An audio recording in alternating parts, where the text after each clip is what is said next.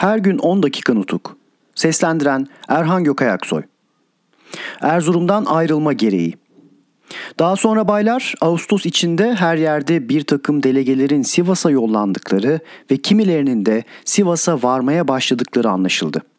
Sivas'a varan delegeler bizim ne zaman yola çıkacağımızı sormaya başladılar. Artık Erzurum'dan ayrılmak gerekiyordu. Ama şimdiye değin verdiğim bilgiden anlaşılmıştır ki Sivas Kongresi Doğu ve Batı illerinin Trakya'nın yani bütün ülkenin birliğini sağlamak amacını güdüyordu. Bunun için bu kongrede Doğu illeri delegelerinin bulunması gerekirdi. Bu illerden Sivas Kongresi için delegeler seçtirmeye kalkışmak elverişli olmayan bir düşünceydi. Erzurum Kongresi'nde bulunan delegelerin de Sivas'a götürülmeye kalkışılamayacağı da anlaşılıyordu. Kaldı ki geldikleri yerlerden vilayatı şarkiye müdafaa hukuku adına yetki almış olan bu delegelerin daha genel bir amaca ilişkin yetkileri de yoktu. Gene bu nedenle Erzurum Kongresi'nin Sivas Kongresi'ne Doğu illeri adına bir delege topluluğu göndermeye yetkisi olamayacağı da ortadaydı.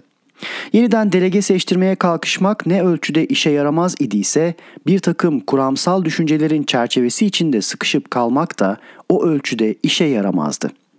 En kolay ve çıkar yol vilayatı Şarkiye Müdafaa-i Hukuk Cemiyeti heyeti temsiliyesini Sivas'a götürüp kongreye katmaktı. Üyelerden Mutki aşireti başkanının Mutki dağlarından dışarı çıkmaktan korktuğunu ben kendim bilirdim. Siirt milletvekili Sadullah Bey ortada yok. Servet ve İzzet Beyler kongre biter bitmez birer özür bildirerek Trabzon'a gitmiş bulunuyorlar. Erzurum'da Rauf Bey ve Raif Efendi var. Raif Efendi de özür bildiriyor. Yolumuzda Erzincan'da Şeyh Fevzi Efendi'yi bulabileceğiz. Servet ve İzzet Beyleri çağırdım, gelmediler. Raif Efendi'ye bizimle gelmesi için rica ettik, kabul etti.'' Sonunda heyeti temsiliye üyesi olarak Erzurum'dan 3 kişi, Erzincan'dan 1 kişi ve Sivas'ta bulduğumuz Bekir Sami Bey ile 5 kişi olduk. Ve Sivas Kongresi'ni meydana getiren delegelerin belgelerini incelemek gereği duyulduğu zaman ben orada şöyle bir belge yazdım ve altını heyeti temsiliye mührüyle mühürledim. Heyeti temsiliyeden Mustafa Kemal Paşa, Rauf Bey, din bilginlerinden Raif Efendi, Şeyh Fevzi Efendi, Bekir Sami Bey. Yukarıda adları yazılı kişiler Doğu Anadolu adına Sivas Kongresi'nde bulunmak üzere Erzurum Kongresince görevlendirilmişlerdir. Baylar, Erzurum'dan çıktığımız gün 29 Ağustos 1919'dur.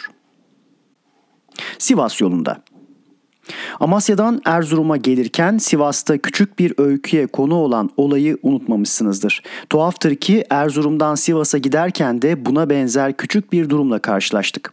Erzincan'dan batıya doğru yola çıktığımız günün sabahı Erzincan Boğazı'na gelir gelmez bir takım jandarma erlerinin ve subaylarının heyecanlı ve korkulu bir davranışla otomobillerimizi durdurduklarını gördük. Durumu açıkladılar. Dersim Kürtleri boğazı tutmuşlardır. Tehlike var, geçilemez. Bir subay kuvvet gönderilmesini merkeze yazmış. O kuvvet gelince gerekli düzenlemeyi yapacak, saldırıp haydutları püskürtecek ve yolu açacakmış.'' Peki ama bu haydutların kuvveti nedir? Neresini nasıl tutmuş? Ne kadar kuvvet gelecek? Ne zaman gelecek?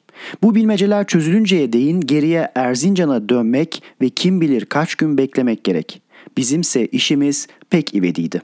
Ben Erzurum'la Sivas arasındaki yolu belli süre içinde aşıp belli günde Sivas'ta bulunamazsam şurada burada şundan ya da bundan ötürü korktuğum ve beklediğim Sivas'ta ve her yerde duyulursa bozgun başlayabilir, işler alt üst olabilirdi. Öyleyse karar, tehlikeyi göze alıp yola devam etmek. Başka türlü de yapamazdık. Yalnız küçük bir düzenleme yapmayı uygun buldum.''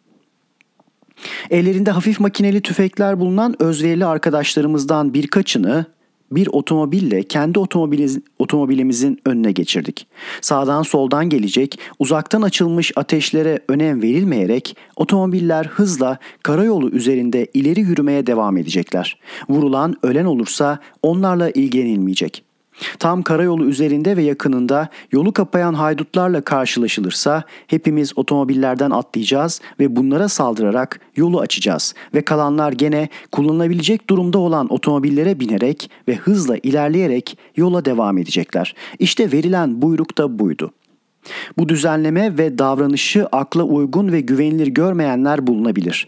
Gerçi o günlerde Elazığ valisi Ali Galip Bey'in Dersim'de dolaştığı ve bazı oyalayıcı işler yapmaya ve türlü düzenler kurmaya çalıştığı biliniyor idiyse de açıklayayım ki ben her şeyden önce Boğaz'ın gerçekten tutulduğuna inanmadım.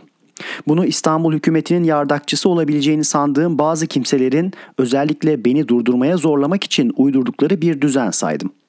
İkincisi Dersim Kürtleri boğazı tutmuşlarsa bunların yapabilecekleri işin uzak tepelerden yola ateş etmekten başka bir şey olamayacağını çok iyi kestiriyordum.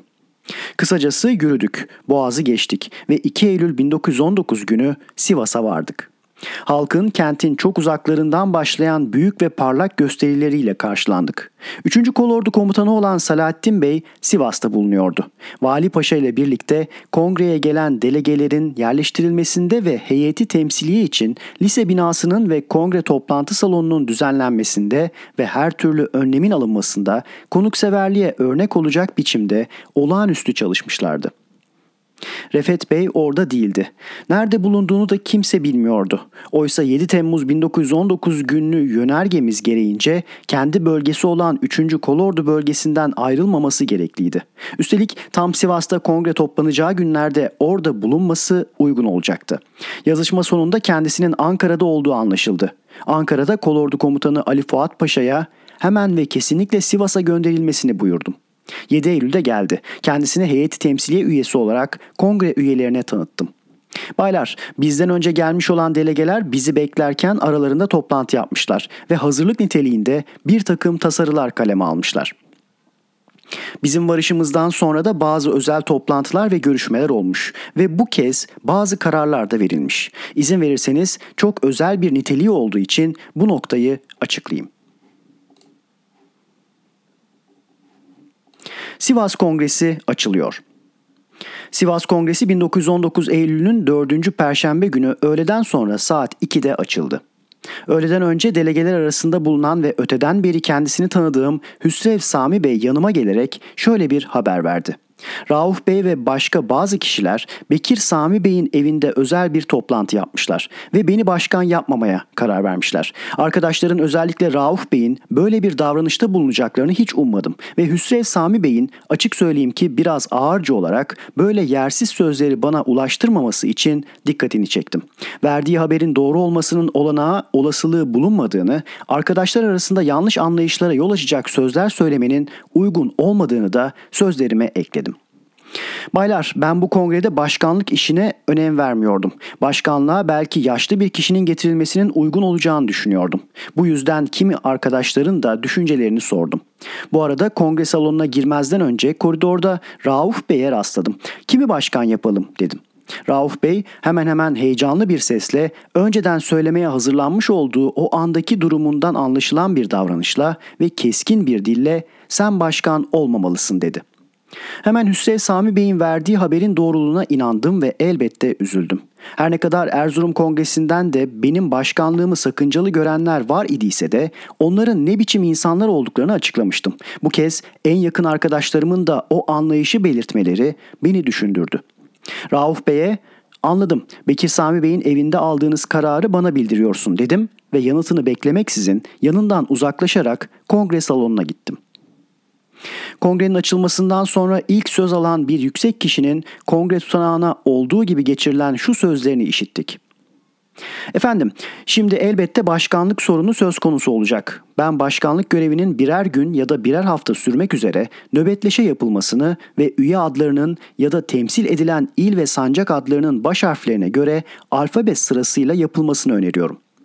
Baylar öyle şaşılacak bir rastlantıdır ki bu öneriyi yapanın temsil ettiği ilin adı da kendi adı da alfabenin ilk harfi elifle başlıyordu. Ben çağrıyı yapan kişi olarak bir söylevle kongreyi açtıktan sonra geçici olarak başkanlık yerinde bulunuyordum. Bu neden gerekiyor efendim diye sordum. Öneriyi yapan böylece işin içine senlik benlik karışmamış olacağı gibi dışarıya karşı da eşitliği gözettiğimiz için iyi bir etki yapılmış olur dedi.'' Baylar ben yurdun öneriyi yapanla birlikte bütün ulusun hepimizin nasıl bir felaket çıkmazında bulunduğumuzu göz önüne getirerek kurtuluş çaresi olduğuna inandığım girişimleri bitmez tükenmez güçlükler ve engellere karşın maddesel ve ruhsal bütün varlığımla yürütmeye çalışırken benim en yakın arkadaşlarım daha dün İstanbul'dan gelmiş ve elbette işlerin iç yüzünü bilmeyen saygı duyduğum yaşlı bir kişinin diliyle bana senlikten benlikten söz ediyorlar.'' Bu öneriyi oya koydum. Çoğunlukla kabul edilmedi. Başkan seçimini gizli oya koydum. Üç üye dışında bütün üyeler oylarını bana verdiler. Her gün 10 dakika nutuk. Seslendiren Erhan Gökayaksoy.